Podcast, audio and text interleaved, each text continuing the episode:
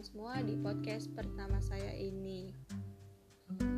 Saya sendiri Pini Maulidia, mahasiswa di Universitas Sriwijaya, Fakultas Ilmu Sosial dan Ilmu Politik.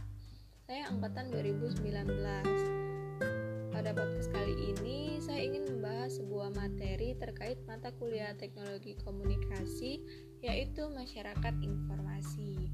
Langsung saja, di sini masyarakat informasi adalah sebuah istilah yang digunakan untuk mendeskripsikan sebuah masyarakat dan sebuah ekonomi yang dapat membuat kemungkinan terbaik dalam menggunakan informasi dan teknologi komunikasi baru. Masyarakat informasi dipengaruhi oleh media massa dan perkembangan teknologi di mana sangat tingginya kebutuhan atas penggunaan teknologi informasi dalam kehidupan sehari-hari sebagai kegiatan pribadi, sosial, pendidikan belajar mengajar, dan bahkan bisnis. Teknologi mengubah cara kita melakukan bisnis, bagaimana kita belajar, bagaimana kita menggunakan waktu luang kita, terus kita bisnis itu harus online mereka tuh ingin menjadi sukses dan pelayanan pemerintah harus tersedia nih secara elektronik. Terus di sini masyarakat informasi merupakan salah satu teori dalam komunikasi di mana masyarakatnya membutuhkan sebuah teknologi atau media untuk memperoleh koneksi agar dapat mendapatkan informasi seakurat mungkin dan secepat mungkin luar biasa. Teknologi komunikasi inilah yang menciptakan lingkungan global yang berpengetahuan serta dapat melanjutkan pembangunan suatu daerah atau negara setara untuk mengurangi tingkat kemiskinan pada negara tersebut atau daerah tersebut. Perubahan masyarakat mengakibatkan adanya perubahan pola pikir, perilaku, kebiasaan, sehingga menjadi sebagai pola sosial dan budaya yang berbeda dari kondisi yang ada sebelumnya. Masyarakat informasi terbentuk atas beberapa faktor yang berdampak terjadinya evolusi tersebut, serta perubahan secara perlahan namun dapat dilakukan karena kebiasaan yang menjadi budaya di masyarakat tersebut. mulai adanya kebutuhan informasi yang tinggi setelah sekian lama fase masyarakat industri ini terlewati nih dan juga sudah memenuhi beberapa lapisan masyarakat. Di sini ada faktor-faktor yang mendorong terbentuknya masyarakat informasi seperti dinamika informasi dan komunikasi, pengembangan teknologi komunikasi, pengembangan teknologi komputer seperti itu, pengembangan komputer dan pengembangan teknologi informasi ini sekarang lebih dikenal dengan pengembangan Information and Communication Technology atau biasa disingkat dengan ICT. Ini sangat berkembang nih di negara industri. Dua teknologi inilah yang mempercepat pergerakan informasi di masyarakat yang kemudian menjadi ciri dari masyarakat maju seperti penggunaan TV, telepon, komputer, seperti itu di suatu kejadian ini di tempat yang sangat jauh dapat seketika tuh diketahui oleh masyarakat real time dan online pada saat itu juga masyarakat mendapatkan kesempatan dan akses informasi secara cepat dan tepat akan jauh lebih maju dibandingkan mereka yang kurang bernasib baik dalam memperoleh, memperoleh informasi tersebut.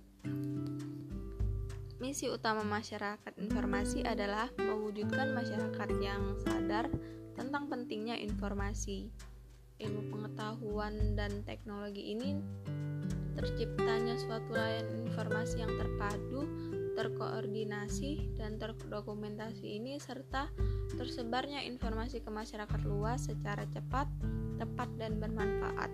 Masyarakat informasi ditandai dengan adanya perilaku informasi yang merupakan keseluruhan perilaku manusia yang berhubungan dengan sumber dan saluran informasi itu sendiri. Perilaku penemuan informasi yang merupakan upaya dalam pemenuhan informasi dengan tujuan tertentu sebagai akibat adanya kebutuhan untuk memenuhi tujuan tersebut. Terus perilaku mencari informasi ini ditujukan seseorang ketika berinteraksi dengan sistem informasi dan perilaku penggunaan informasi yaitu perilaku yang dilakukan seseorang ketika menggabungkan semua informasi yang ditemukannya dengan pengetahuan dasar yang sudah ia miliki sebelumnya. Di sini ada ciri-ciri masyarakat informasi.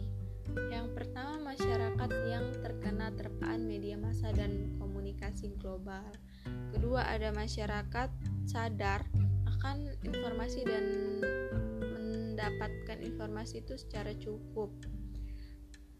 Terus, ketiga, ketergantungan pada media massa sangat besar di dalam masyarakat tersebut. Keempat, menjadikan informasi sebagai komoditas bernilai ekonomis. Mengakses informasi super highway atau berkecepatan tinggi.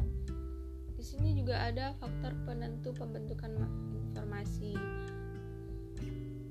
Ada pertama kemajuan dalam pendidikan.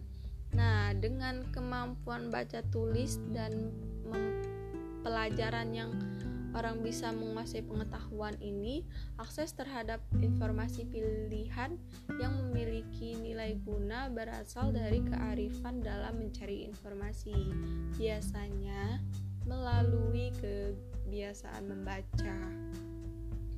Salah satunya budaya yang menyertai masyarakat informasi itu adalah tingginya budaya bias budaya baca biasanya seperti itu budaya diawali dari sesuatu yang sering atau biasa dilakukan sehingga akhirnya menjadi suatu kebiasaan.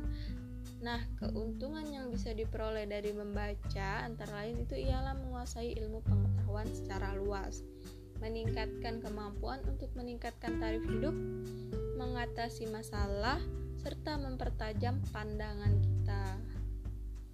Yang kedua, ada perubahan karakteristik pola kerja orang-orang selalu mencari nih informasi dan pengetahuan agar bisa bekerja dengan cepat, efektif, dan efisien di sini. Terus yang ketiga, perubahan dalam cara menyebarkan pengetahuan. Nah, mulai dari konvensional kepada penyebaran informasi yang menggunakan alat-alat canggih di sini. Terus yang keempat, perubahan dalam cara mencari pengetahuan serta besarnya rasa ingin tahu pada diri seseorang sehingga berupa untuk mendapatkan informasi dengan spesifik. Yang kelima, kemajuan dalam menciptakan alat-alat untuk menyebarkan dan mengakses pengetahuan baru. Ditinjau dari sumber uh, faktor yang di atas, ada unsur masyarakat informasi di sini. Yang pertama, infrastruktur jaringan telekomunikasi pita lebar yang harganya terjangkau oleh masyarakat, masyarakat pemakai dan penyedia informasi, sumber man daya manusia yang terampil dalam teknologi informasi, industri-industri teknologi informasi yang beragam, Terus terakhir ada otoritas yang mengatur tentang teknologi informasi itu sendiri. Contohnya disebutkan masyarakat informasi itu bisa kita melihat perkembangan yang sangat signifikan dengan penggunaan ICT tadi yaitu informasi information communication and technology 10 tahun terakhir ini uh, seperti penggunaan te telepon seluler yang ratio itu telah mencapai 78 dari 100 orang dibandingkan dengan tahun 2000-an yang hanya 10 per 100 orang. Nah, regulasi yang dibuat oleh pemerintah terkait dengan kondisi masyarakat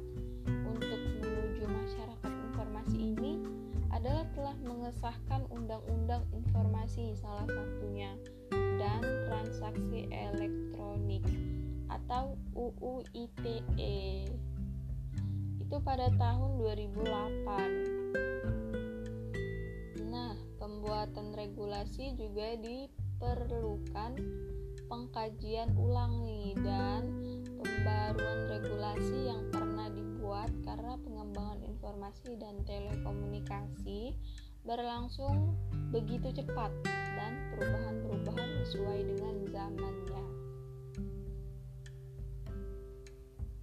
Terus, untuk menuju masyarakat informasi, Depkominfo itu saat ini telah membentuk warung masyarakat informasi ini atau biasa disingkat dengan Warmasif. Nah, di Indonesia itu ya, di berbagai kabupaten, kota di Indonesia yang mengoperasikan aplikasi berbasis website dengan layanan yang tersedia seperti aplikasi EUKM seperti itu. Itu layanan informasi kesehatan online, terus perpustakaan digital. Itu akan mampu berperan sebagai sarana pengembangan usaha layanan pendidikan di masyarakat, layanan informasi kesehatan tadi, serta informasi lainnya seperti itu selalu melalui perangkat tersebut pelaku usaha koperasi dan usaha kecil dan menengah seperti UKM atau yang lainnya akan semakin mudah mencari informasi.